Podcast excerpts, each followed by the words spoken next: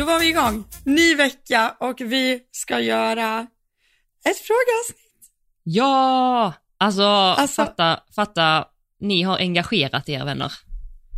Det är bombat. Och vi, har, alltså, vi hade lite stress eh, igår när vi skulle lägga ut det här. Vi bara, gud vi ska ju spela in imorgon, vi måste lägga ut det här fort. Nu känner jag typ så här, vi skulle ha haft det ut i tio minuter. Janna. Ja men verkligen, det är så mycket frågor. Alltså det är så mycket frågor. mm. Roliga, bra frågor Eh, också. Ja, väldigt bra. Mm. Vi har sagt att vi ska, nej det finns inga dåliga frågor, men alltså sådana frågor som man, som får en att tänka till lite ibland och sådana kanske inte, Mm. ja men vanliga frågor. Men det är liksom lite, lite, olika frågor såklart. Men vi tänker så här att vi ska göra det bästa för att svara på så många som möjligt och inte bli för långrandiga. Det ska väl vara vårt Mm. motto idag.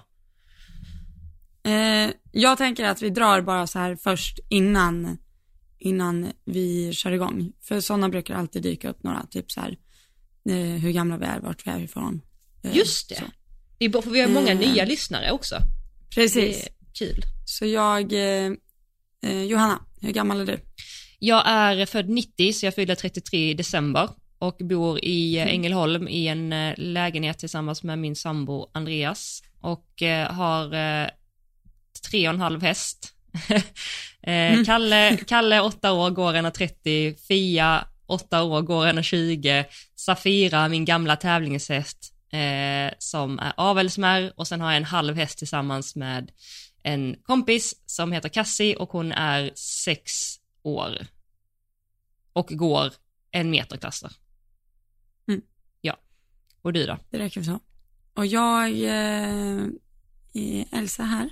Jag är eh, född 99, så jag fyller 24 år i november, är 23. Jag har tre hästar, eh, två stycken sjuåringar som båda går 1,20, Lasse och Badou. Och sen har jag en ny häst som heter Abbe, som är fem år och har gått 1,10. Eh, och eh, jag, för tillfället bor jag i Falun, men flyttar ju till Helsingborg första augusti. Och då ska vi bli stallkompisar. Ja! Yay! yes. Men jag Ja. är från Falun, born and raised. Yes. Mm. Ja men det låter bra. Men då har vi svarat på några korta. Och jag är 1,74 lång. Och du är 1,60. Ja, om jag sträcker på mig. Yes. Om du säker. ja, där hade vi allt. Eller hur? Yes. Då var vi klara. Tack för oss. Tack för oss. Nej. Men då så. Då har vi betat av några sådana där easy. Ja. Ja, bra. Återkommande. Ja, Eh, jag har ju spanat, jag tänker att vi kör igång. Direkt. kör igång. Moderera. Moderera. Eh, då ska vi se, i och med att vi, jag ska flytta till anläggningen du är på, så tänkte jag att den här var lite rolig. Hur tänker ni kring stall? Vad behöver ni eller vad vill ni ha på en anläggning? Vilken service, liksom, facilities? Kul fråga. Vad börjar du? Mm, oj. Jag vill ha, eh, om vi börjar med så här bara facilitetsmässigt då, så vill jag ha ett stall som, eh, eh, där som har stora boxar och som inte Mm. har för mycket, eh, alltså jag gillar inte när, att stå i ett stall där det är för mycket människor och för mycket hästar, utan lite mindre sådär. Mm. Eh, med stora boxar och bra luft. Eh, och sen eh, måste det finnas ridhus för mig eh, och utebana. Eh, jag uppskattar också när det finns skrittmaskin, jag tycker det är ett bra komplement. Eh, bra hagar, gärna både sommar och vinterhagar. Ehm, vad vill jag mer ha? Eh, bra utrymme så man kan alltså, ha bra eh, förvaringsmöjligheter. Man har ju så mycket grejer så. Mm. Och sen utöver det servicemässigt så eh, har jag ju fullservice som det är just nu så det har också varit ett, har varit tvungen att vara ett alternativ för mig så att jag mockar inte till mina hästar själv utan vi har personal som gör det. Så det uppskattar jag. Och att det är människor som eh, är, mm, alltså på anläggningen som har, det är bra energi, det är bra människor, det är bra management för hästarna, det är bra tänk och som sagt inte för Mm. många människor. Mm. Har jag glömt någonting? Nej, alltså det är väl typ det som är viktigt för mig. Mm. Vad säger du? Good. Alltså jag har ju nu efter mina år här insett vad jag inte vill ha i alla fall. Nej då, men jag vill inte ha leriga hagar. Eh, nej men nu, eh, alltså jag flyttar ju för att eh, jag har ju testat ha, det vet jag att du också har haft tidigare. Men jag har liksom under min senare tid också varit sådär att jag inte haft någon ridbana hemma utan måste åka varje dag mer eller mindre och så. Mm. Mm. Och jag har ju insett att det, eh, det går. Det sätter eh, en på prov. Men det är ju inte det bästa alternativet. Så jag säger nog samma som dig. Eh, bra fungerande hagar tycker jag är jätteviktigt. Eh, bra stall med bra luft är jätteviktigt. Eh, gärna stora boxar. Eh, bra med typ så här, alltså fungerande dusch och sånt tycker jag är väldigt viktigt. Mm. Mm. Och sen eh, utöver det, men alltså en stallägare som eh, är liksom medveten om vad man vill hålla på med. Att om man håller på med sporthästar då funkar det inte att ha ett fiberunderlag som aldrig blir vattnat liksom. Nej. Eh, utan sån, alltså sånt tycker jag är viktigt. Att eh, är man nu på ett ställe där man betalar för sig för att ha alla de här extra grejerna så ska det också skötas därefter. Ja. Mm. Det tycker jag är viktigt. Annars eh, kan ju ett fiberunderlag vara helt värdelöst faktiskt. Mm. Yes. Men jag tror det var samma där. Ja. Alltså, ganska lika. Ja. Ja. Yes. Och sen, jag har, jag har ju inte helservice, men jag vill gärna att det finns att man kan få om det behövs. Mm. De dagar det behövs. Ja, men det var allt. Ja. Ja men grymt. Eh, ja men grymt. jag hade om jag haft önskat hade jag velat ha en galoppbana också. Men eh, det är ja, kanske lite ja. så. Men eh, mm. alltså bra, alltså typ, typ som nu vi där du också ska flytta ju, alltså vi har bra uteritsmöjligheter och sådär men eh, just nu behöver man gå lite på en väg, det behövde man inte innan, för att komma till dem. Eh, och det uppskattar jag inte, mm. att behöva gå på vägen med hästarna eh, så mycket. Men annars tycker jag också det är bra att kunna ha så en bra skrittrunda eller en så här bra joggrunda. Som man kan rida ut också. Ja. Vi har ju en gräsbana också, Esa. Jo, men jag vet. Jag, jag mm. tänkte på det också. Det är också viktigt. Utrikesvägar liksom. Ja. Det är eh, jag har ju varit bortskämd med en travbana nu. Eller en travslinga liksom. Du har det ja. Som alltså, går 29,8. Men den underlaget där har inte varit liksom perfekt ändå. Så jag har inte, mm. den har inte kommit till så mycket användning som jag har önskat. Nej, jag förstår. Nästa mm. fråga. Yes. Mm. Eh, det här, det är en fråga, eller tänkte du komma med en fråga där? Jag tänkte det, men du kan köra. ja, nej men kör du. Kör du. Okej. Okay. Eh, vad är era styrkor och svagheter i sadeln? Vad tror ni varandras är? Oh, ska vi köra vad vi tror först? Ja, det kan vi göra. Eller jag vet ju typ. Ja, jag vet också. Alltså jag vet att du är väldigt, eh, alltså du är duktig på att, eh, du är väldigt duktig på att få hästen cool och med dig. Att du kan typ, eh, du kan få hästen att andas ut, om du fattar vad jag menar. Mm. Och du använder inte, du använder hellre, vad ska man säga, du använder absolut inte mer hjälper än vad som verkligen behövs. Nej. Du ger aldrig liksom för mycket, alltså jag tänker så här att pumpar in för mycket information till hästen, alltså så här, för mycket bromsa eller för mycket gas eller för mycket åt sidan, då blir den ju, då kör du ju upp den så den blir hög i varv. Mm. Och det gör du ju aldrig, utan du ger ju väldigt så här konkret information som gör hästen generellt lugn. Mm. Det skulle jag nog säga. Och jag kan också, ja, utöver det så tror jag att jag kan få det att se lätt, lättare ut än vad det mm. är. Det är också en styrka jag har. Ett, eh, mm. Att det, jag vet, och jag vet inte var, var, varför det gör det, men jag vet nu när vi också har tittat på lite hästar och sådär, när man har ridit nya hästar och, och Mm. Ina som vi ska köpa häst tillsammans här, har också sagt det liksom, så här, det såg väldigt lätt ut och så har jag tänkt här, gud, alltså det här känns skitsvårt och så kollar jag på videon och jag bara, gud det såg ju hur lätt ut som helst men, och så Ja. ser det kanske svårare ut eh, när någon annan har ridit den innan eller du vet så här, alltså jag har, det, det är faktiskt en, en förmåga jag har. Mm. Eh, och. Ja, och jag, din styrka i sadeln tänker jag är att du har ju en sjukt bra förmåga att få hästarna framme för skänken. Alltså det är väldigt konsekvent med, med skänken ju. Eh, när du lägger på den så ska det hända någonting. Eh, och att hästarna hela tiden liksom tar dig framåt, du får det att funka. Och sen är du, har du en väldigt stark position så att det går inte att rubba dig ur sadeln. Alltså om hästen gör någonting utan det känns som att du sitter väldigt stadigt och säkert. Och eh, Mm. en annan styrka du har är också ditt mindset, alltså du är inte rädd eh, utan du är lite bold liksom och vågar sätta självförtroende i hästarna. Ja. Eh, jo, men det, det håller jag nog med om. Sen vet jag, alltså jag tycker att det har typ förändrats mycket i min ridning senaste tiden. Men jag håller med om, jag är väldigt så här orädd. Jag tror jag är bra på att få försiktig. Jag tror framförallt att jag är bra på att få hästar att vilja typ så här fightas med mig. Mm.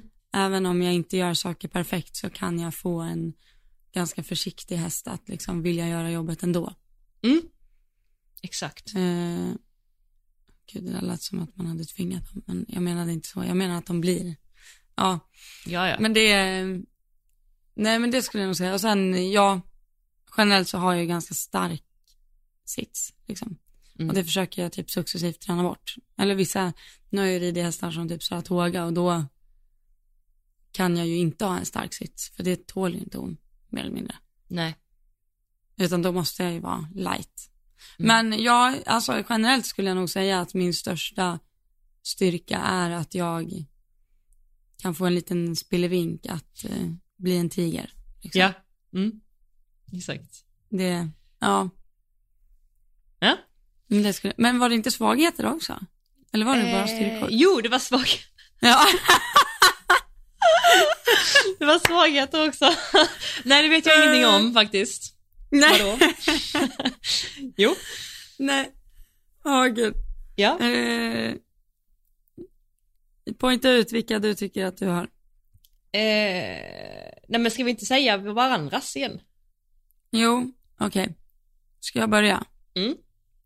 Ja. Eller jag, vad jag... Mm, gud, vi är ju liksom tvärtom varandra här. ja. Jag skulle säga att vi, att vi blandat ihop oss så hade det blivit perfekt. ja, jag vet. eh, nej, men jag vet, alltså den fysiska styrkan för dig i sadeln är ju svår i och med att du inte har, eh, alltså du skulle ju, förstå mig rätt, kanske inte passa på en speciellt stor häst någonsin liksom. Nej, exakt. För att den kräver mycket ben och mycket om och mycket liksom, mycket säte. Eh, där är din svaghet skulle jag säga. Ja. Ja men det är det, verkligen. sen, men nu börjar det ju bli liksom, jag skulle aldrig säga att du är, du är inte feg. Du är bara har mer konsekvenstänk än vad jag har. jag är lite Jag är försiktig. ju, jag, jag är så här, det kan gå. Det kan gå, låt oss testa och jag är så, Ja. det kan gå, det är inte Nej, säkert. men- Nej, då testar vi inte. nej, nej, men det, det, så var jag när jag var yngre, absolut. Nu har jag lite, ja. ja, Men, nej, jag eh. Jag tror att, eh, nej men det har nog varit din svaghet tidigare, att du kanske tänkt så, ja men jag tränar lite mer innan jag testar det. Ja, gud ja. Verkligen. Men nu är du, nu kör du mer. Ja, men nu kör Så jag det är ju inte en svaghet längre. Nej, Nej, men jag skulle det- säga din fysiska, fysiska styrka liksom. Ja. ja, men det är korrekt. Det skulle jag också säga min svaghet. Mm. Och som du sa, det här att jag inte har riktigt vågat, eh, vågat vissa grejer och så, men, eh, och det är under utbildning, tänkte jag under utveckling. Ja. Det kan fortfarande bli bättre. Mm. Ehm, dina svagheter i sadeln, eh, nej men det enda jag kan komma på är det som du också varit inne på själv, liksom att du ibland kan sätta omedvetet mm, för mycket tryck med sätet. Så att du får, Mm. får för mycket tryck i hästen som du inte önskar. Eh, Mm. Det skulle jag väl eh, säga. Jag Är distansdyslektiker. Men det glömde du. Nej men, nej men det tycker jag inte, så det kan jag inte säga. Nej, okej. Nej, Nej men de hör inte ihop, för desto mer tryck jag sätter, desto enklare har jag att eh, se distanser och typ så här rida väl. Och desto mindre jag gör i sadeln och desto mer jag behöver använda hjärnan liksom. Mm. Men, Alltså, förstå mig rätt när jag säger att jag kan sätta sånt tryck så liksom det, den här anspänningen löser problem åt mig. Är du ja. med på jag menar? Ja, Ja, det är inte en bra, det är inte en bra sak. Men, eh, Alltså jag kommer ju testa det här, alltså när du kommer ner, alltså hur det här med distanser och sånt. För att jag, jag fattar väl menar, jag hör vad du säger och jag kan liksom köpa det, att, du, att det kanske är så. Men jag, du har inte bevisat för mig att det är så. Att du är distansdyslektiker, så att eh, jag behöver, eh, Men du mer kan, data. ju rida hunt, du kan ju rida hunter style och så ser du distansen liksom åtta språng ifrån ja. och bara dun, dun, dun, nej men då blir jag blind. Det är det lättaste, lättaste att se distans, om man släpper tyglarna, låter hästen bara gå i samma jämna balans och så ser man ut över hörnet där, okej här har Ja. vi fem lite normala, nej men jag, rör ingenting. ja. Jag kom på en till sak som jag har som svaghet. Mm. Eller som jag har insett senaste tiden i mitt markarbete också. Att när jag, eh, sett, när jag sitter ner och trimmar galoppen, då luftar liksom min röv från sadeln. Mm, det gör min Typ också. så mycket. Mm. Jag vill bara sitta an hela tiden. Hur jävla Bara- svårt ska det vara? Bara sitt på gumpen. Bara sitt på röva. Flyg, rid inte lätt när du sitter ner i galopp. Nej. Men så blir det. sitt- Så blir det. Fjum, fjum. Var, varför är det så? Ska vi bli bättre på det här tillsammans? Nej men jag har tänkt på det. Varenda jävla, kolla på Andrea Brandt när han galopperar runt. Alltså det är så Han är fan, sjukt. det går inte in en, en, alltså det går inte in en Det är så sjukt att du säger luft. det. För jag, jag gjorde en screenshot, en, han la upp en story, jag kommer inte ihåg när det var och hur det var, men jag har gjort en screenshot på hans eh, story på en video. Hur han i en galoppfattning bara sitter på rumpisen och sen fortsätter sitta på den i galoppen. Alltså, så det är så kul att du säger det. Alltså det och, och hästen bara, det, det bara sker under en. Han bara sitter helt still och så bara under sker hela aktiv- Nej, men här- alltså, aktiviteten. Jag är så avis på det. Hur kan rumpan inte röra sig ur sadeln? Vi måste twista vårt bäcken, det är det som är grejen. Du är ju också lite... Nej, du är inte svank. Eller? Nej, jag är fan åt andra Du hållet sen jag bröt ryggen tänkte jag säga. Ja, precis. Men jag var svank när jag förut. För att du ska ju sitta på, tänk att du sitter på sittbenen. Alltså och att, jo vet du vad min dressyrtränare säger? Hon säger så här, Mm. tänk att bakfickorna är i sadeln hela tiden. Och att du har liksom två, jag vet inte vad hon säger, säger hon två, alltså bly eller någonting. Så att byx, eh, Mm. bakfickorna är i sadeln hela tiden. Och då måste jag Ja. tänka att jag roterar mitt bäcken lite grann för annars så rör inte jag bakfickorna. Förstår du? Så att rumpan Men jag kommer tänker ner. så här. Eller så är det för att vi inte följer hästen tillräckligt mycket när den går uppåt. Fattar du? Så vi måste följa Mm. hästen när den rör sig uppåt. Mm, Så det inte blir att den rör sig uppåt och sen rör sig neråt och då stannar vi där uppe. då är vi Utan statiska. Det kanske är det, att vi måste vara, följa hästen mer uppåt. Nej men, nej, men jag vet, för vi, alltså, vi filmade i så här slow motion häromdagen när vi hade fotografering. Mm. Och jag tänkte bara, jag vill inte se den här videon. Alltså, det kommer ju synas så tidigt, där försöker hon sitta ner och så. Men du har en poäng där, för det vet jag, jag också har, har eh, fått eh, förklarat för mig så här att ryttare som sitter still, de ser ut att sitta still för att de rör sig. Så att om du försöker sitta still Ja, själv så rör exakt. du dig mer. Ja, så att det handlar ju om att gå med i hästens rörelse. Och Så jag är- tror det handlar om att jag måste, jag måste ut med knäna, det vet jag att du är duktig på, men jag måste liksom ut på, med knäna så röven kommer under. Ja. Så jag då kan, fast vilken del av kroppen är det som rör på sig då? Jag Det är ju försöker- bäckenet, alltså bäckenet som, som Okej, rör jag får sig. stretcha bäckenet. Ja, Stretcha bäckenet. men man kan Du ska ju, ja, det ska ju liksom gunga. Det ska ju röra sig. Jag ska juckträna, är det det du menar? Jucke. Ja, du får inte börja jucka, det, det tycker inte jag, det gillar jag inte när man ser att äh, folk sitter och juckar när de rider så. Det, det ser, tycker jag, nej men det ser ut som att äh, när ryttaren rör sig mer än hästen, det är ju inte heller vackert tycker jag. Ja, skritt, skrittprogrammet i dressyr. Jo men jag menar framförallt i trav. Alltså jag vet att i skritten så ska de ju Ah. liksom röra sig så, men du vet när, när man ser att en dressyrryttare vill att hästen ska röra sig mer under så rör ju ryttaren sig, och det måste den ju göra, men när den rör sig lite för mycket så tycker jag att det förstör det vackra i Ja. eh, allt. Okej, vi skulle inte bli långrandiga på varje fråga, Nej. så eh, kör Så. vidare. Ny fråga. Eh, är ni konflikträdda? Kan ni alltid prata för det ni tycker? Eh, jag är nog lite konflikträdd, ja. Men vet Mm. att jag är det. Så att jag eh, försöker faktiskt typ bli, jag har blivit mycket bättre på det.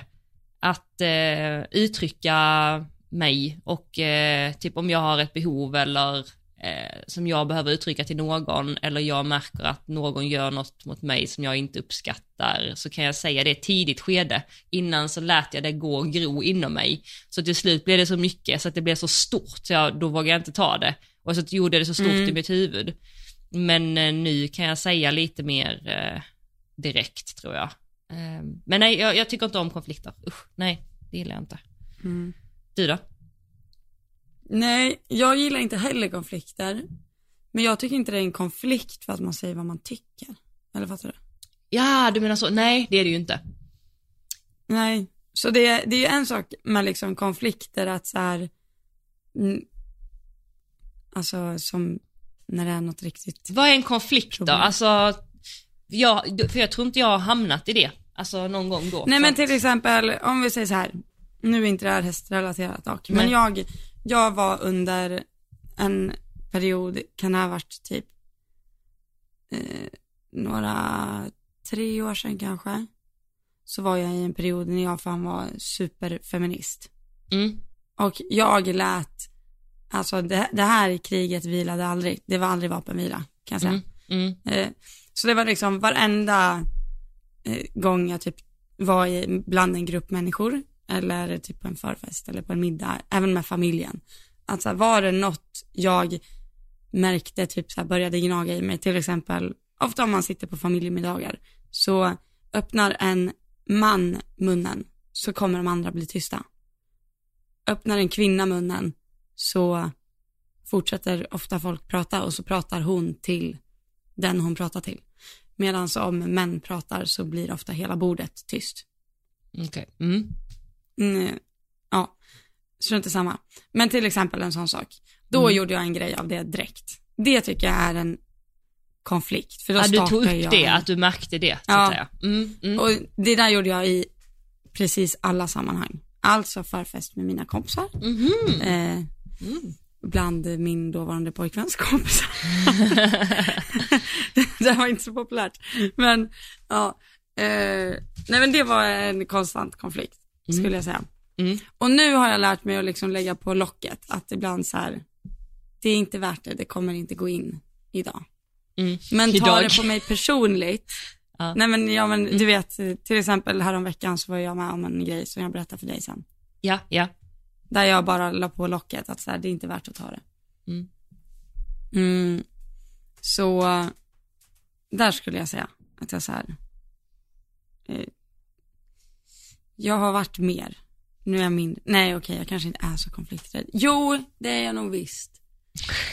Fast inte, jo, fast mer med typ så här, jag är väldigt konflikträdd med de som står mig väldigt nära, för då vet jag att startar en konflikt så beror det ofta på mig. Jaha, Och då blir jag konflikträdd. okej. Eller nej, inte konflikt. Ja, skit samma. Nej, jag är nog inte konflikträdd. Nej, Jag tror inte du är så konflikträdd ändå. Nej, jag är nog inte det. Men jag tänker typ att konflikter, åh, jag förstår vad du menar typ med det här som du sa, det här exemplet. Men jag, Mm. åh, det här låter kanske också... Alltså jag...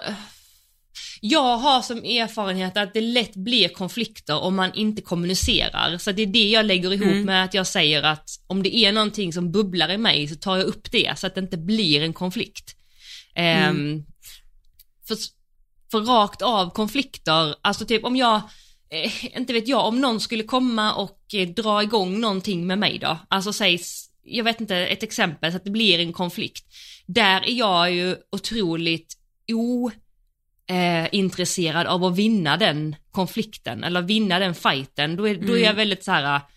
Ja, alltså jag, jag kan förstå den personens perspektiv, jag kan förstå mitt och jag, okej, okay, alltså vi, jag kan känna att vi kommer ingenstans här, alltså låt det liksom glida.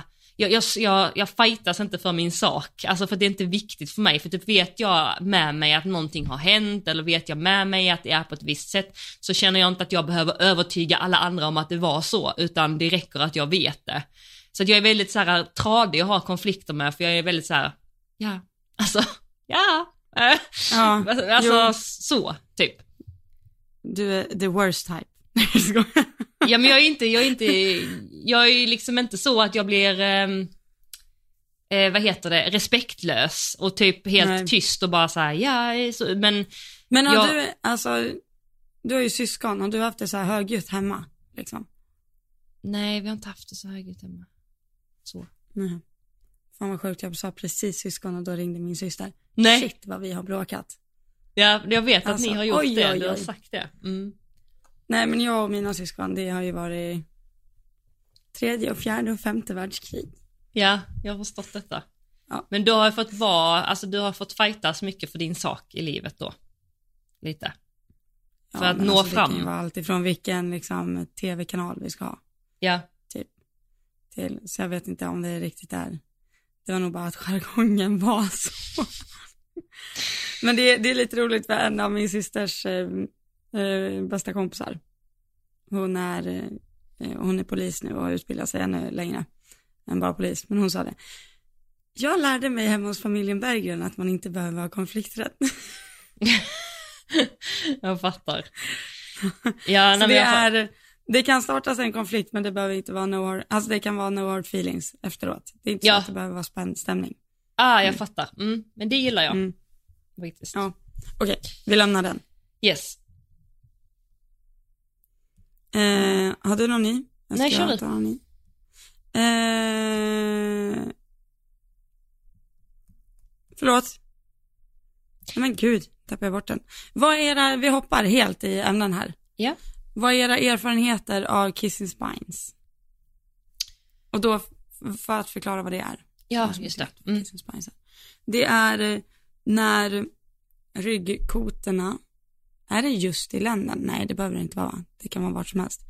Eh, när ryggkotorna, eller egentligen inte kotorna utan tornutskotten heter det. Mm. Eh, sitter tätt. Ja. Så att de antingen går ihop eller bara ligger väldigt nära varandra. Mm. Exakt. Eh, och det där är det väl delade meningar om. Om det har betydelse för hästens användning eller inte. Alltså om hästen får ont av det eller ej. Mm precis.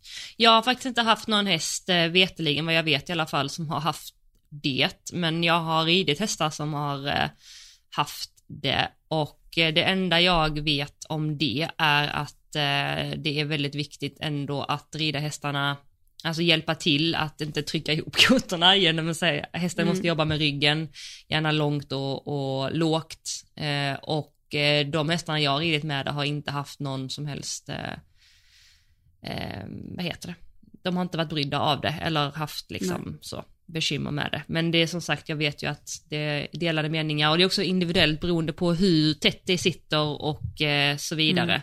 Om de har problem eller inte. Så det är väl min enda erfarenhet eh, av det. Mm. Vad är din? Eh, nej men jag håller med dig, det finns ju olika grader, det finns ju de som är typ ihopväxta också. Men det, det, finns ju de hästarna som fungerar då med. Jag menar det finns ju folk som är stelopererade i ryggen och funkar ändå. Mm. Alltså människor. Men eh, eh, sen är det ju klart att det är ju en kritisk, eh, man får ju se vart det ligger och vart du liksom, vart kommer du sätta tryck någonstans där du sitter.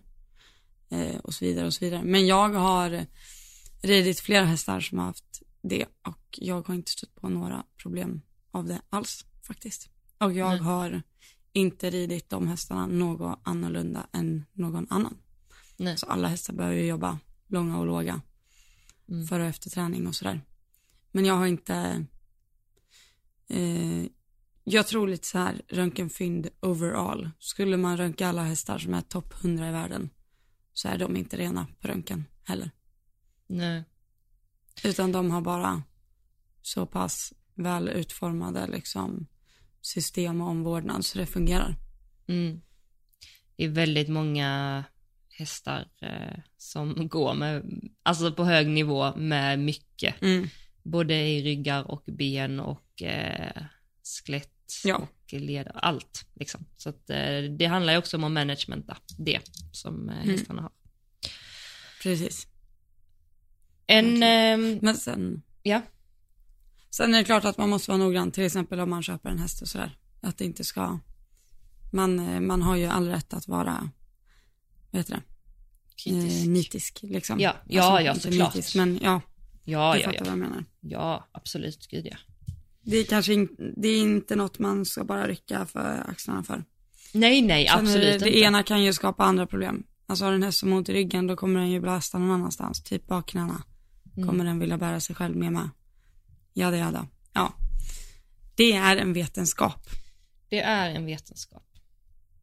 Vi har fått Vi en fråga, vi har fått en fråga som är ganska genomgående. Det är en fråga som du kan svara på. Eller det är Mhm. många som har ställt den här frågan. Eh, Tips för att få hästen snabb för hjälperna, till exempel framme för skänken. Det är ju din... Mm. Eh, Det här sa en tränare till mig när jag var på ridläger när jag var väldigt liten. Och då sa hon, för jag tänker att det är för att få hästen kvick för skänken. mm, Mm. Eh, och då sa hon, när du kommer med skänken första gången, då kommer du med skänken som en fluga. Så här, lite grann. Testa, ska vi gå framåt nu. Eh, funkar inte det, då måste en eh, humla komma, den är fortfarande ganska söt, men den är mer tydlig. Om inte humlan funkar, då kommer stora feta bålgetingen med hela sin flock. Eh, och där har vi förklarat det pedagogiskt. Detta sa du i ett annat poddavsnitt. Men tyckte du inte den var ganska bra? Jo, den är jätte, den är pedagogisk. Och alltså stora feta bålgetingen, då ska hästen tänka till stora, alltså så rädd som du hade varit om stora feta bålgetingen kommer med hela sin flock. Ja. Så fort som Johanna hade sprungit då. så fort ska det gå om inte flugan och eh, eh, humlan funkar. Ja, ja. Mm. Ja men precis. Jag tyckte det var ganska bra förklarat. Jo men den är jättebra. Och att Alltså, vara konsekvent, viktiga- du kan ju inte sitta och ha en flyga på dig hela tiden. Flyga, flyga och Nej. ingenting händer. Alltså så, Då utan då kommer ju, ha den där flugan. då kommer ju flygan till slut bli det normala. Alltså så. Samma om du sitter Ja. med en bålgeting, eller inte bålgeting, humla hela tiden och Humla. bara sitter, och då kommer ju den inte reagera på det heller liksom. Mm. Så att, eh, så är det ju med allt. Mm, med hästen. Att vara konsekvent Mm. med hjälperna och eh, få den att lyssna genom att om inte den lyssnar på den första signalen öka lite granna. Så att den Mm. lyssnar så att du får det önskade och sen får du gå tillbaka liksom för att se kan jag ta bort och ge lite mindre tryck nu? Ja det kunde jag, okej Mm. bra tack och så Där. tar man bort och så berömmer man. Och så förfinar Där man sa du hjälpen. något bra. Att det är, att hästen svarar ju på allt tryck. Alltså hästen gör ju allt för att komma undan tryck. När du Mm. drar i grimman för att den inte ska äta gräs till exempel. Ja, Då, då följer den ju med dig för att den inte vill ha trycket. Liksom. Mm. Eh, och eh, om du tar i munnen, alltså tar i tyglarna, då bromsar den ju för att komma undan trycket för att den vet att du kommer lätta av när den har bromsat. Eh, och samma sak är det för skänken, du lägger ju på ett tryck med skänken. Eh, får du då ett svar att hästen går mer framåt, då tar du ju bort skänken. Mm. Lägger du an skänken, eller kör den här klassiska, lägga an, släppa, lägga an, släppa, lägga an, släppa, så du liksom trummar med skänklarna utan att det händer något. Eh, då släpper du ju skänken innan du har fått ett svar och därav så har du ju lättat på trycket eh, och mer eller mindre givit hästen beröm utan att den har gjort det du har tänkt dig. Mm. Så du kan ju, precis som du kan göra en häst eh, precis som du kan göra en häst stark i munnen genom att dra för mycket, alltså vara för mycket i handen hela tiden, Mm. så kan du ju skapa en skänkeldöv häst genom att ha skänken an för mycket Mm. hela tiden. Mm. Exakt. Det var faktiskt, jag gjorde, för att Fia har lite svårare att flytta sig för en skänkel, eh, Mm. kopplat till den, eh, alltså diagonal till bogen då, så att min, nu när jag har dressyrtränat så har jag fått träna mycket på att flytta i, eh, alltså på en volt, flytta undan ehm, för, för innerskänken, alltså att hon ska eh, flytta Mm. i bakdelen så att säga. Och det är väldigt svårt för henne Mm. eh, i ettervarven. Och eh, då sa hon också det att jag måste hålla kvar skänken tills du får eh, att hon flyttar Exakt. lite grann. Liksom. Bara, alltså det behöver ju bara vara pytte, pytte, pytte, för hon kan ju inte leverera Mm. mer, men då, först då tar jag bort. Så det är precis samma sak där, att man kan ju inte lägga till skänken, hästen, för att den ska flytta sig och så flyttar den inte sig och sen tar man bort skänken och testar sen igen. Inom stationstecken testar sen igen, för då har du ju inte Mm. utbildat hästen, då förstår ju inte heller hästen vad du menar. Nej. Så att, eh, Nej, du måste gå i, gå i mål med dina hjälper. ja, exakt. Yes. Yes, next. Mm. Eh, då hade jag en till. Mm. Eh, från en som äger en grön unghäst, vad är det största felen ni ser folk göra med sina unghästar? Vi båda har ju en del unghästvana. Mm. Vad skulle du jag- säga att det, vad sa du? Jag skulle säga jag har typ ingen vana. Fast det har du ju visst. Både, både Kalle och Cassie. Ja just det, Kalle var ju också unghäst. Att vad, vad liksom skulle du säga är, eh, vad är det första du gör när du får hem dem om man säger så? Eller vad är det, vad, vad är det du vill checka av först? Ja men alltså, jag vet inte så här, generellt tycker jag ibland ganska ofta med unghästar att man pressar dem lite för hårt. Alltså typ att man, eh, att det går lite för fort menar jag. Alltså så. Mm. Det skulle jag väl, eh, skulle jag väl säga. Mm, största misstaget, alltså det är så svårt att, att säga men alltså för mig är det väldigt ty- alltså när jag får hem en unghäst så är det jätteviktigt för mig att, att vara tydlig med, alltså, alltså som vi var inne på det här med tryck innan och sådär, men att hästen liksom vet vad de olika hjälperna innebär även från marken. Så att den lär sig att slappna av med mig och lita på mig. Alltså de sakerna. Så att vara väldigt så här konsekvent och inte skapa dåliga beteenden för att när de är unga så är de så otroligt formbara. Allt man gör för första gången blir ju deras mätstock på hur det ska vara. Alltså så. Mm. Så där är väl jätteviktigt, typ som eh, om man eh, ska göra någonting som man vet att hästen, alltså till exempel så här att om jag får hem typ en Cassie, Cassie är ju, alltså hon har otroligt mycket blod, jättekänslig häst. Då, innan jag hoppar upp och red på henne i början så tog jag liksom ingen risk utan jag longerade henne. Alltså alltid innan. Mm. Och sen när jag liksom, till att börja med när vi åkte iväg och sådär, då hade hon, både hon var longerad och hade öronproppar. Alltså liksom all, alltså försöka minimera risk, riskerna för att det händer någonting. Eh, Mm. Så försöker jag tänka så att de får bra upplevelser eh, av allting. Ehm, Mm. Typ så, för jag, jag tänker om du har en häst som kommer ut, alltså vi säger så här, detta är ett bra exempel. En häst som aldrig har blivit klippt, du vet inte hur den reagerar. Liksom. Men den Mm. kanske är, det kanske inte är en jättekänslig häst, så du tänker så här, men den är nog lugn för den är så snäll med allt annat. Den är snäll att sko och den är snäll att göra allt annat, så den är nog snäll att klippa. Jag skulle aldrig göra det, utan jag skulle först liksom arbetat den på dagen, alltså sen var så, den har gått i hage hela dagen och allting så här, den är lugn. Sen hade den ändå fått lugnande för att den ska få en bra upplevelse första gången. För att det räcker att hästen får en dålig upplevelse en gång så kommer det att gå med till nästa gång. Eh, och, och om en häst bara får bra upplevelse, den fattar ju inte att den är drogad eller att den har fått lugnande utan den Nej. får ju bara en skön stund av att stå och bli klippt för att allting är lugnt. Och det kommer hjälpa Mm. mig eh, längre fram. Så att jag vet inte vad jag ska säga mer än att sån, de sakerna tycker jag är viktigt. Sen ridrelaterat, jag är ingen kanonunghästutbildare så jag kan inte uttala mig. Alltså där mer än att ta det långsamt liksom, inte gå för fort fram. Mm. Vad skulle Ja. du säga? Eh, jag tycker allt du har sagt var väldigt bra så jag tänker bara säga en sak. Ja. Rak riktning innan lösgjordhet. Ah, mm, Där har vi den. Och då behövs det framåtbjudning. Det kommer märkas. Ja, För att kunna Precis. rida rakt. ja, Och sen hade jag något mer att komma med. Nej, jag tror inte det. Det var det. det var det. Det är det. Okej. Eh, ja. Du har ju lite nästa. mer frågor på lag än vad jag har. Mm. Jag försöker scrolla här lite samtidigt som vi, du hade ju printat några.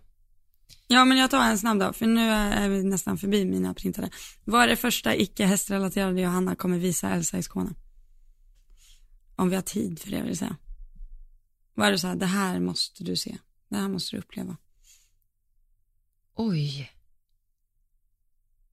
Nej men gud, det var svårt. Nej men du måste äta sushi på AM sushi. Alltså typ en sån grej. Det är mer såhär matställ. Okej, ja. vi är två hungriga personer, det kanske märks. Men, eh, ja, men den, var, den var bra, den är jag helt med på. Ja. Ehm. Mm. Jag gör ju ingenting utanför stallet, jag har inte så mycket och Nej precis, så det, ja. Ja. Ja. Ja, ja. ja. Eh, jag har en till. Mm. Eh, hur, eh, jobbar, eller hur jobbar ni en häst som är överdrivet försiktig? Alltså allt den inte vill riva och eh, hoppar högre än vad hindren är, kan man säga. Mm. Alltså verkligen så. Verkligen Mm. så. Alltså som vi pratade om i förra avsnittet av podden, eh, tror Mm. jag, när jag berättade att jag har börjat tro mycket mer på mig själv och min förmåga, det är ju för att jag har fått bra upplevelser, att jag har tagit ett litet steg i taget och fått upplevelsen att Mm. oj, det här var inte så svårt, det här kan jag göra. Samma sak är det ju för hästarna, att varje gång man gör någonting med dem så får de ju en känsla antingen av att åh, det här var lätt, det här kan jag göra. Eller, ah shit, det här eh, var svårt, det här var jobbigt, det här var läskigt. Och hoppar du en försiktig häst, eh, för, som du sa Elsa, för högt eller för svårt, så kommer man ju få en respons av hästen som är att shit, det här var inte kul, det här var inte eh, så lätt, vilket gör att hästen kommer bli ännu mer försiktig och till slut inte vilja. Liksom. Mm. Så att eh, jag tror på det du sa, att hoppa, om du nu pratar om hopphästar, lågt och länge och mycket och sen kanske ha lite extra support i början, typ som vi har pratat mycket om, att man kanske får ha lite mer kontakt liksom med hästen och hålla den, Mm. hålla den lite mer i handen över hindren. Så var det för mig med Kalle, Kalle var ju alltså överförsiktig när jag fick honom. Alltså så, så att, och, och ehm, jag fick ju jobba väldigt mycket och försöka ha lite för, my- för mycket installationstecken i handen i början, för att liksom känna att han fick känna att jag var där hela tiden, liksom. Eh, men om jag släppte handen, alltså så, då gick han ju bara högre och högre och högre och liksom, alltså Mm. backade av. Så att jag var tvungen att ha honom verkligen så här fram till handen, inte rida för fort fram till hindren, ha honom mycket mellan mina hjälper liksom. Eh, och sen så har det ju liksom blivit bättre och bättre och bättre. Mm. Jag skulle säga typ så här att gör det inte, ofta så vill man ju lägga fram bommar och sånt där för att typ hjälpa hästen, Mm. Mm, Men eh, det blir ju snarare att typ skälpa, kan man säga, en försiktig häst. Jag tycker att man ska ta bort så mycket typ så här hjälpbommar och sånt som möjligt och bara försöka hålla cleant, enkla banor. De behöver absolut inte vara avancerade med liksom linjer på böjspår utan alltså snett igenom, snett igenom, rakt fram, snett igenom, rakt fram. Alltså sånt easy peasy så man liksom kan få en bana att bara rulla på verkligen. mm, mm, Mm, och inte, inte blanda in för mycket bommar och sånt. mm, Alltså jag menar i kombo med hinder. Sen om man rider bara bommar så är det en helt annan sak. Men jag menar till exempel om du hoppar en kombination och så vet du att din häst är försiktig. Och då för att hjälpa dig själv så vill du lägga en hjälpbom mitt i kombinationen och en hjälpbom innan och en hjälpbom efter. mm, Att då kommer hästen bara få mer, mer intryck och mer att se på och kommer uppleva det som svårare än vad det egentligen är. mm, så kan, känner du själv inte att du behärskar att eh, hoppa den där kombinationen utan hjälpbommar till exempel, då bör ni heller inte göra det, mm. kort och gott. Kort Förstår och du hur jag gott. menar? Ja, jag tycker det var bra svar. Ja. Yes. Vad ska man göra Hittar du när... någon mer? Ja, vad ska man göra när man känner sig för dålig för sin häst, rädd att förstöra henne? Jag läste också den. Mm. Det är så många som känner Eh, så. Det är jättemånga som känner så. Jag kan lugna er med att det gör man.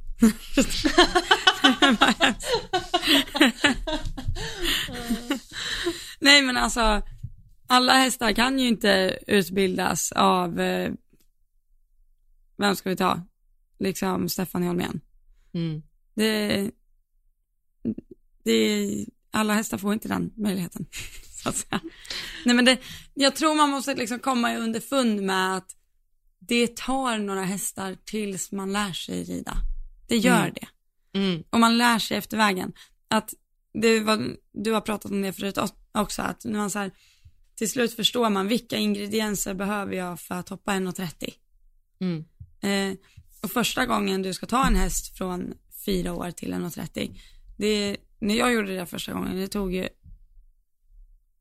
fyra år, gjorde det väl? Ja. Och nästa gång kanske det tar tre år.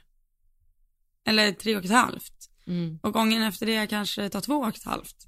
Mm. Och sen helt plötsligt så tar du an en häst som har gått 1,10 och sen vips ett halvår senare så känns det som att ni kan rida 1,30. Att det är så här, desto fler hästar du får göra den här vägen med, alltså jag, och jag vet att jag, jag hade också en så här drömvision av att min första häst, det ska vara den jag rider svårhoppning på och så här. Så jag hade nog banne mig inte gjort det. Jag vet Nej. inte, men jag tror inte det. Alltså det hade varit för mycket som jag har missat efter vägen och har fått rö- lov att typ så här rekonstruera. Alltså saker som bara inte, jag bara inte visste hur man skulle liksom programmera från början. Mm. Fattar. Sånt som bara måste finnas där. Mm. Liksom. Mm. Eh, och de ingredienserna lär man sig efter vägen behövs. Så står man där med en fin häst och är så här, den är alldeles för fin för mig. Ja, du kanske inte rider den lika bra som en toppryttare hade gjort. Men då får man ju istället så här, vad är det som gör i din hästhantering att du inte förtjänar att ha en bra häst? Mm. Alltså så länge du sköter om den väl, se till att den har mm, bra foder, bra eh, liksom bra utevistelse, mår bra, att du tar hand om den väl, att du gör ditt bästa, då förtjänar väl du att ha en hur fin häst som helst. Mm. Precis. Sen Och va- förtjänar du inte att ha någon häst överhuvudtaget om du inte gör det liksom. Nej men det är Då precis kan det du jag ju vara menar. hur duktig och rida du vill, men gör du inte de grejerna, då Ja. kommer det ändå inte bli bra. Så, Precis. Många blir ju alltså Mm. handlingsförlamade när man säger så, jag är rädd för att förstöra min häst. Då blir man handlingsförlamad. Och problemet Mm. med att bli handlingsförlamad då, det är att man vågar typ inte inverka på hästen, man vågar inte testa Mm. saker. Och vad är problemet med det? Jo, då lär du dig heller inte var gränserna går. Okej, hur mycket ben Nej. behöver jag här? Hur mycket förhållning kan jag ta här? Och det är ju det som, de testerna, som gör att du till slut, som du sa innan, att poletten trillar ner, att man fattar liksom. Eh, så att du kommer inte bli en bättre ryttare om du inte vågar testa med din häst. Så att det är, viktigt, det är jätteviktigt också när man känner att man inte är så kunnig själv, att man har en bra tränare som kan finnas där och verkligen guida och verkligen så här säga hur du ska göra. Men du måste också våga testa, så att säga. Eh, för att till slut lära dig få en bra känsla. Plus som du sa där att istället för att tänka att jag, jag är inte bra nog, jag förstör min häst. Nej men bli nördig i hur kan jag bli så bra som möjligt då? Alltså hur kan jag fodra min häst på så bra sätt som möjligt? Vad är den bästa utvistelsen för min häst? Vad behövs, alltså Ja, bli Mm. nördig i det, att inte bli liksom handlingsförlamad eller så här, åh jag är ändå dålig så det kommer ändå inte, utan nej men bli, bli så bra du kan, gör vad du kan för att bli bra. Eh, testa Mm. och du kommer misslyckas. Du kommer göra fel, du kommer misslyckas, eh, kommer bli tosigt, men det handlar inte om att du är en dålig ryttare, utan det handlar bara om att du har inte lärt Nej. dig än. Och som vi sa i något poddavsnitt, när Peder eh, rider fel väg eller när Peder får ett stopp, eller Henkan, det innebär inte att de är dåliga ryttare. Överhuvudtaget, har inget, man, man gör misstag ibland bara. Eh, så är det. Bra svar. Mycket bra, mycket bra. Du kör nästa eller? Mm, jag tar en snabb till dig va. Mm. Johanna, du jobbar ju som mental coach. Mm. Hade du kunnat tänka dig jobba med något annat än ryttare? Eller gör du det? Jobbar du med andra än ryttare? Mm, det gör jag, inte så många faktiskt, för jag har valt att specialisera mig på ryttare, men eh, jo absolut, jag har ju haft eh, alltså klienter som både är Eh, eh, mammor, alltså mammor liksom, alltså bara vill bli bättre i, i, sin relation med sina barn eller sitt eget liv eller sin man eller så. så. Eh, och företag, eh, chefer eh, har jag också coachat, eh, fotboll, hockey, bowling, golf, eh, gymnastik, eh, ja, så att alltså det, det har ingen betydelse var man kommer ifrån. Men jag tycker ju att det är roligast att jobba med ryttare för att jag känner att jag kan bidra som mest där i och med att jag har så mycket erfarenhet själv av hästar och hästar och friidrott är inte riktigt samma sak, eller hästar och fotboll. För att i fotboll så, vi säger att missar, missar du ett, eh, en straff, eller du missar att eh, sätta bollen eh, på det stället du vill att den ska vara när du, när du skjuter iväg, då kan det bli så ah fan och så kan du sparka hårdare nästa gång. Alltså så. Men blir det ett mm. misstag exempelvis med hästar, det är inte så att du kan bli frustrerad eller arg eller använda ilska eller mer tuffhet eller alltså så. Du måste kunna kontrollera dig själv på ett helt annat sätt när du, när du jobbar med djur. Eh, så att, eh, ja, av den anledningen så gillar jag att jobba mest med mm. ryttare. Du då? Hade du kunnat tänka dig något annat än att vara ryttare? Mm. Eller nej, det var inte frågan, det var en annan fråga jag tog upp. Nej, det var inte, det var inte, nej det var inte, jag såg den frågan också, men ta den. Ja, nej men den, jag ställer den till dig nu. det var, jag tror vi hade fått en fråga som var ungefär så att om ni inte hade jobbat med hästar, vad hade ni velat jobba med då? Ja, exakt. Tror jag det var.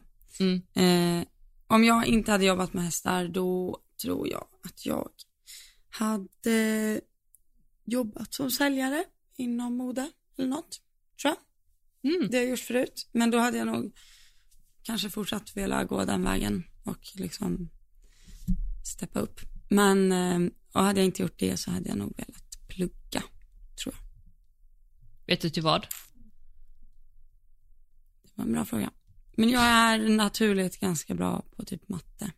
Så jag, eh, ja, det är inget så här jag har nischat in mig på, men jag hade nog, fast gud, det hade ju varit roligt att typ plugga så här sociolog och sånt också. Ja, nej, jag vet inte. Jag, eh, det, jag har kollat för lite på det. Jag tror att hade jag börjat kolla på det mycket, då hade jag nog kunnat bli ganska taggad. Men jag är inte det nu. Nej, ja. Okej. Okay. Eh, men mina syskon har ju pluggat till ingenjörer båda två. Fast nu har min storebror bytt. Så mm. han ska bli fysioterapeut nu. Jaha. Oj. Han var färdig ingenjör. Men nu har han bytt. Så han jobbade ett år. Sen kom han på att nej men det här var inte min grej. Så nu pluggar han igen. Så det är jättebra nu när man tränar. Man får svar på allt. Det är ju skitbra Hur kroppen ja. fungerar. Och alltså ja. när man får svar på hur kroppen fungerar då fattar man ju också hur en häst, alltså nu är det inte samma sak men muskeluppbyggnad liksom. Ah, ja just det. Hmm. Eh, uppvärmning och stretch och ja, allt vad det är. Exakt. Yes. Oj vad spännande. Mm. Och du då, om du inte hade, om du inte hade varit mental coach och inte hade hållit på med hästar, vad skulle det vara då? Inget typ. Nej. Du gillar ju att jobba med människor, eller hur? Ja, jag hade jobbat alltså. med någon form av serviceyrke, hade jag gjort. Antingen hade jag gått tillbaka och jobbat som flygvärdinna, eller mm. hade jag typ öppnat ett café Eh, där jag hade liksom gett otrolig service, alltså varje människa som steg in genom de dörrarna skulle få ett personligt bemötande och verkligen vara mm. så här jag går inte hit för kaffet, jag går hit för bemötandet. För att den, de här som jobbar ja. på det här kaféet, de ser mig, de bryr sig om mig. Alltså verkligen, det, alltså, jag tänker på det så mycket när man går in på bagerier, restauranger, butiker, Alltså mm. jag kan bli ledsen hur lite folk verkligen bryr sig om att bemöta sina kunder. Alltså mm. fatta mm. vilket gap, alltså, alltså det är liksom inte det du säljer som får kunden att komma tillbaka utan det är hur du mm. är mot kunden alltså och det känns inte som att det det finns lite att göra där i alla fall. Så att det hade jag mm. gjort för det hade jag tyckt var så jäkla kul. Tänk att komma in så här, hallå Fredan, ska det vara en eh, latte med en extra shot idag också? Nej men du vet så här, man bara vet ja. så här, alltså känner sina kunder. Mm. Ja. ja. Men det är kul. Så var butiken jag jobbade på. Det var, var det så? Ja, verkligen. Oh. Det är sjukt bra. Mm. Ja. Eh, Men vi lämnar den. Vi lämnar den. Jag har fått eh, nu- den här, jag bara ska svara på en fråga bara för att eh, det är många som frågar om Safira ska betäckas igen och i så fall om jag ska använda samma hingst. Och eh, svaret Mm. är ja, hon ska betäckas igen. Idag åker hon faktiskt till eh, där hon ska bli inseminerad. Och eh, ja, Mm. jag kommer ha samma hingst för det är den hingsten jag vill ha. Och det är Crusader, inte Crusader Ice, utan Crusader som står i Frankrike. Som Sanne Tyson har ju också en jättefin efter honom, det har jag sagt va? Mm. Ja, Yes, next. då håller vi tummarna. Ja. Om, eh, jag tar nästa fråga. Om Mm. ni fick vara en fluga på väggen i vilket stall ni ville, vart skulle det vara då? Oh, hos Marcus typ. Ening. Mm. Jag Alltså, jag tänker att velat- jag kanske bara tänker Marcus Ening nu för att, för att vi har, nej Henrik hade jag tagit. Henrik, ja. Mm. Jag hade Ja, tagit nej, Henrik. jag hade tagit Mackan alltså. Okej. Ja. Mm. Mm. Jag var, okej. Har du en till fråga? Eh, ja men jag fortsätter då på lite samma spår. Drömhäst att äga bland alla som, bland alla ni inte har, även elithästar. Ja men då är det väl inte lagligt att säga något annat än King Edward eller? Alltså jag Nej. tänkte det också, men så undrar jag så här, undrar hur bra jag kunna, hade kunnat rida honom. Ja men det står bara äga, du kan ju sitta på läktaren med en hatt på dig om du vill. Ja men Nej, jag ska... ja då så. det, det blir många passande hästar för dig om du hade sålt den. Så, Det hade varit jättekul att äga Ja. lite hästar faktiskt, alltså åt proffsryttare. Men du ska ju bli proffs, spara de pengarna till dig själv istället. Jo men alltså på vägen dit, att man har liksom, Jo. man har obegränsat så man kan satsa själv och Ja, bidra till andra. ja, jo. Ja. Det var det. jo. Nej, men jag, jag säger absolut King Edward. Jag tycker han har allt. Han är inte världens bästa, alltså egentligen har ju inte King Edward världens bästa teknik. Kan Nej. vi bara. Hade man sett honom, om vi säger att han löshoppade när han var tre år på, vi säger att vi såg King Edward löshoppa på SSOS när han var tre. Mm. Det hade ju inte varit den dyraste treåringen. Nej, då hade man inte vänt sig om tror jag. Nej, Nej. men nu, nej, jag, alltså nej, du får inte säga något annat än King Edward. Nej, men jag Nej. säger King Edward. Ja, bra. Oavsett om han passar eller ej. Ja. Ja. Men det var ju, vi, då tar jag en egen fråga till dig. Vilken av topphästarna tror du hade passat dig bäst? Oj. Alltså, jag tror typ att, nu är ju inte den i sporten längre. Jag har en häst i huvudet som jag tror att du hade passat med. Kan du inte säga vilken? Eh, Yuri Mansours, Vilken av dem? eh, eh, Vit- Vitiki. Heter den inte så? Vänta, vilken av dem är, jag har dålig koll på hans hästar. Vilken Eh, är det? Det är Ja! Ah! Vänta nu, ja kanske. Ja, den, åh gud jag fick bara upp den nu. Va? Ja men kanske. Jag hade aldrig tänkt på den själv. Ja, Nej, jag, jag, alltså jag tror typ att eh, jag gillar ju eh, Luciana Denise, den Fit for Fun, den eh, fuxen hon hade där. ja, ja okej, ja där. Mm. Alltså typ, Men jag den är vet inte inte. aktiv nu tänkte jag. Men Nej, det var ju mitt aktiv nu. absoluta, alltså jag var ju Luciana Denise eh, fan. Det var Från det att jag ja. var tio till, alltså det var nog min första ryttare som jag var så här, ah! så. Var det så? Ja. Och det var ju många år, alltså fortfarande. Mm. Jag tycker fortfarande hon är grym. Ja. Hon, eh, hon har ju mycket academies och så nu. Ja, jag vet. Det är kul. Butterfly exercise Ja, butterfly exercise. Ja, har man ju Mm. sett några gånger. den har man ju Ja. sett. Ja. Eh, Mm, vad har du för häst nu då? Som du hade eh, velat ha? drömhäst. Ja, Eller som jag hade velat ha, som jag tror att jag hade passat med. exakt som du hade passat med. Mm. Inte någon. Jag måste ju kunna rida dem också. Det. Den lilla, lilla, lilla detaljen. Den, eh, Eh, det- Då tar jag ju någon sjukt välriden häst, då tar jag Stargold.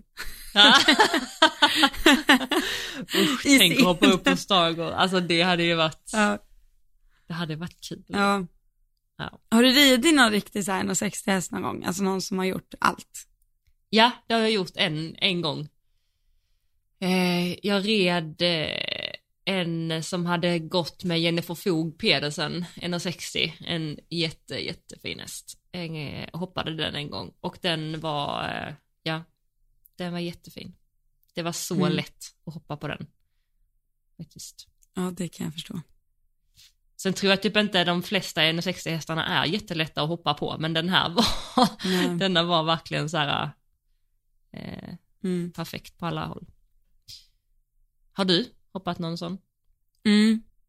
När jag jobbade i Danmark, då markred jag ju alla, då markred jag tre stycken 160 hästar. Mm. Varav en var den här eh, Sentina som Bruce Goodin hade ridit 160 på bland annat. Vunnit eh, den här stora Grand Prix i Tyskland, vart, vad heter det? Ja, strunt i samma. Den vann den i alla fall två år på Mm. raken och sådär. Det Mm. var ett maskineri till häst, kan jag säga. Okej. Så det var när de skulle välja liksom eh, flatrider till den där hästen var de tvungna att kolla för annars, den kunde ju skena i ridhuset alltså. Jaha. Hade man, alltså hade man dålig timing mellan hand och skänkel. Så jag, jag kunde rida liksom en volt i typ piruettgalopp och den var jättefin. Där jag en video på på min Instagram. Och den var jättefin. Och sen tog man lite för mycket eller la lite för mycket ben. Alltså då, den bara gick. What? Och då, för det var så här, från att när man redan på marken och bara, jag kunde inte förstå varför hon hade liksom ett stort fetigt pelam när hon tävlade den. Sen bara, okej. När man väl har lagt i poletten, alltså då går tåget på den här hästen. Och den var ju superfit, men typ 16-17 år då, när jag red den. Nej, var den så gammal? Nej, den var nog 15 då, kanske. Huh. Och sen gick den ju 1,50 två, tre år senare Mhm. Oj. också. Så ja, men eh, nej, det var coolt. Då var det verkligen så här. Då förstod man att shit, man behöver inte göra det så komplicerat. Nej. Alltså den hästen, det var klart hon kunde göra typ så här galoppsaxar och sånt. Hon var väldigt välriden. Men det främsta var ju verkligen så här. Hon ska vara avspänd när jag ber henne om det. Hon ska gå och växla i galopp. Hon ska inte vara för mycket fram och tillbaka. Utan ja, det var väldigt så här, alltså så basic men kvalitet i basic. Mm. Mm. Ja, Ja. det är coolt. Det är, får man någon gång chansen att sitta på en sån häst så eh, ta den. Mm. Ja, verkligen. Mm. Ja, just det, jag gjorde en till kom jag på det. Vem då? Ja, men det är en hemlis tänkte jag säga. Nej, Ja, men jag bara okej. provjobba på, eh, jag har provjobbat på två, två andra ställen. Men en, en till har jag ridit som har gått 1,60.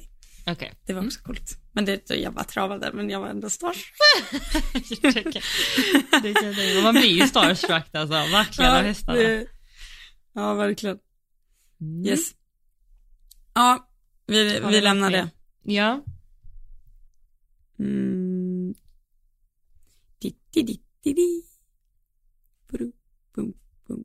Alltså sån här, den här frågan tycker jag är bra, men också lite, mm, typ, den, är, den är bra. Mm. Ett bästa tips om man är ny på att rida stor häst. Det är ju inte en så stor grej, alltså du går från ponny till häst till en- ett större djur liksom. Mm. Men det är fortfarande en sadel och en häst liksom. Sadel och en häst. Ja. Fyra ben och svans. Alltså det enda jag kände typ, nu fick jag i sig min första storhäst var verkligen en, eh, det var inte en jättestor häst sådär. Utan den var lite ponny så här eh, i, i sig själv. Men eh, det jag tycker att ponnysar har som inte storhästar har är ju den här um, taxeringsförmågan att lösa allting själv. Alltså du kan komma lite hur Mm. som helst och den bara titt, titt, titt, alltså lite så typ. Medan en Ja. storhäst helt plötsligt så måste du börja rida lite mer, eh, rida lite mer ändå, tycker jag.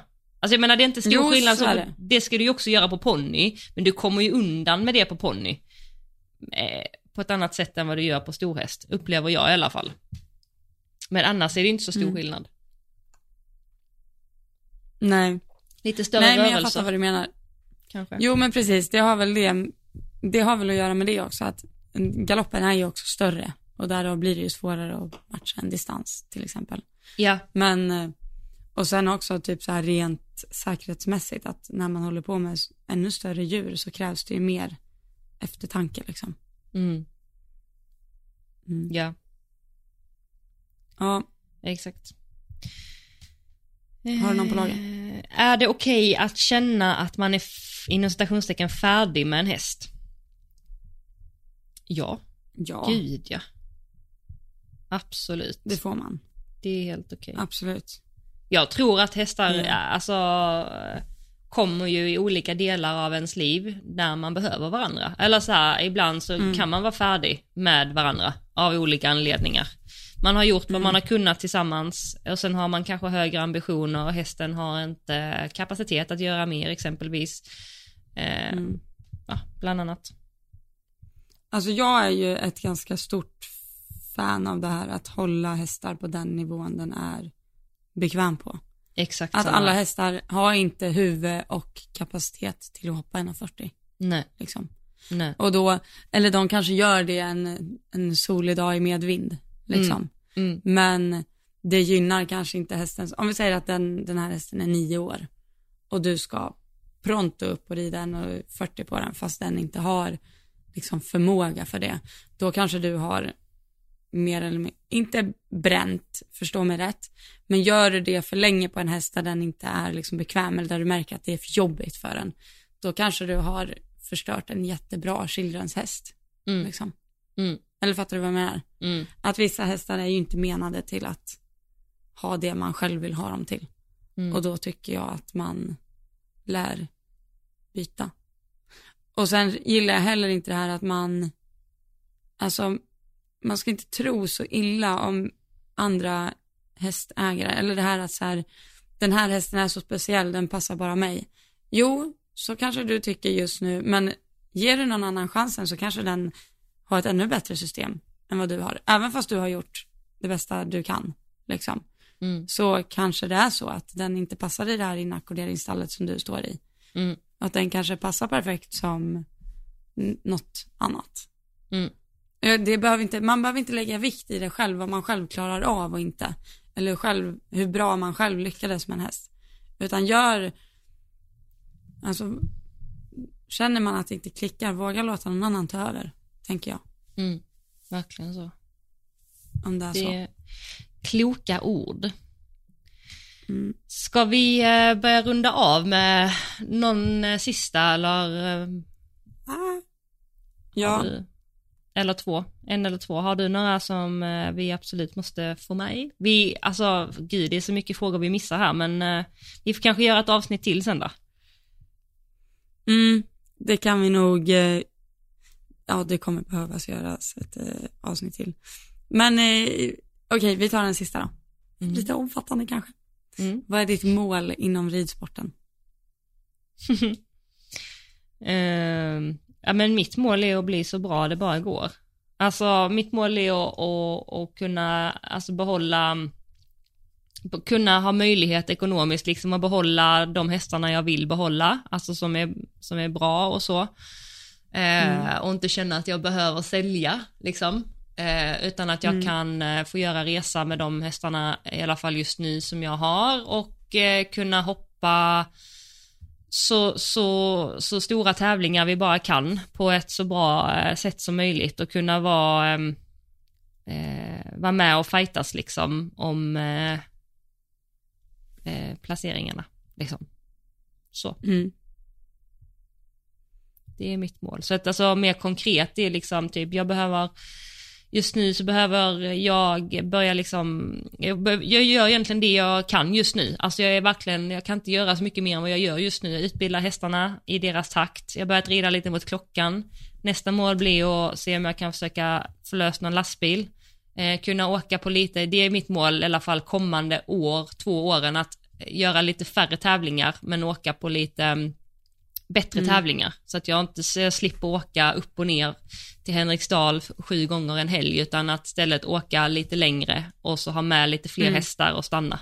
Det är lite så jag tänker. Mm.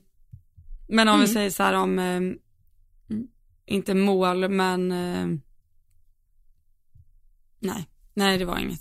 Det är så Det- svårt med mål, när menar man? Om Ja, ett det, år eller om 30 jättesvårt. år? Men du har ju ändå en, du har ju ändå, om du, alltså jag tycker man ska få drömma stort. Att du har ju ändå en vision om att så här, shit, jag kanske kommer kunna rida GCT där. Ja, En miljon alltså, år. Ja, gud ja. det är dit alltså, du vill. Alltså, ja. För det är det jag menar, att det behöver man inte vara, det är ju, jag skulle nog säga, alltså jag vill inte säga att det är mitt mål, men jag hade inte hållit på om det inte var för att det är dit jag vill. Liksom. Exakt. Precis. Och sen får man ju se hur långt man tar sig. Man Mm. får göra det bästa, det bästa av vad man har och försöka bli så bra man bara kan. Men sen är det Exakt. massa delmål på vägen liksom. Det hade ju varit jätte, liksom, typ, jag ser lite framför mig så här att också bli uttagen till en nationscup någonstans. Alltså jag fattar att man inte kanske får Mm. rida liksom eh, först liksom på de fetaste ställena, men tänk ett, ett ställe som är, som är lite, inte den, den största då, och sen så blir ändå vara var en av dem som fightas av de platserna. Att man i alla fall Mm. blir påtänkt eh, där. Alltså det är också en sån sak jag ser framför mig. Och vi snackar ju Och massa. det är ju sjukt svårt när man Ja. bor i Sverige. Ja, För- gud Alltså ja, jag de tror är inte det är en tillfällighet att vi har liksom Malin, Peder och, och eh, Jens och Henrik, utan det är liksom, och ännu fler ryttare som är på väg uppåt där, utan det är inte bara deras generation, utan när man kollar just nu, det är ju på väg uppåt som kommer vara där Mm. om 10-20 år liksom. Mm. Då kommer de vara liksom topp ett i världen. Nej men alltså, jag tror Sverige som nation alltid kommer vara sjukt stor i hoppning. Mm.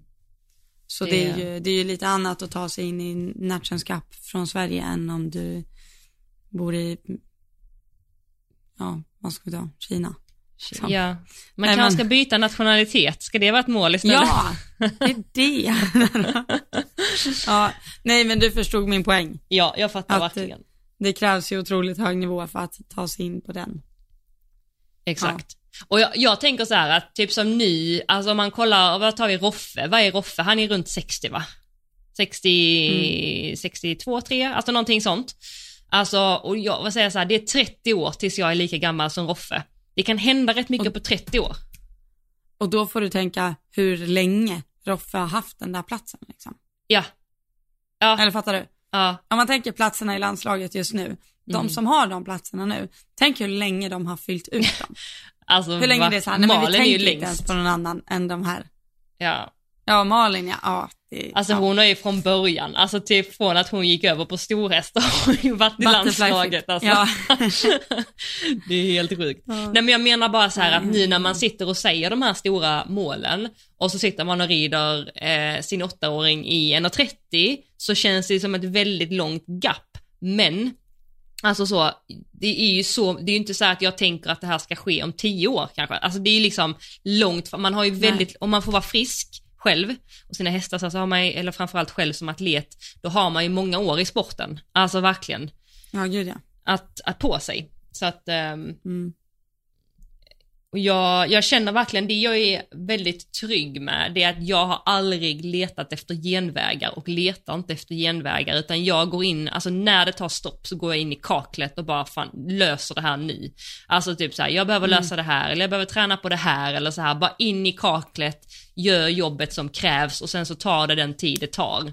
Eh, och då känner jag mig ganska trygg i att ha en stabil grund att gå tillbaka till var jag Mm. än nu än är. Liksom. Och det, det är viktigt, tror jag, att ha en stabil grund. Yes.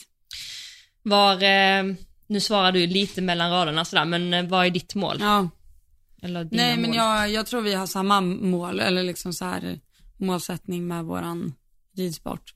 Men sen har jag också, jag vill alltid kunna leva på att hålla på med hästar. Det ser jag, alltså jag, jag måste få, jag vill ha hästar som min inkomstkälla oavsett nivå.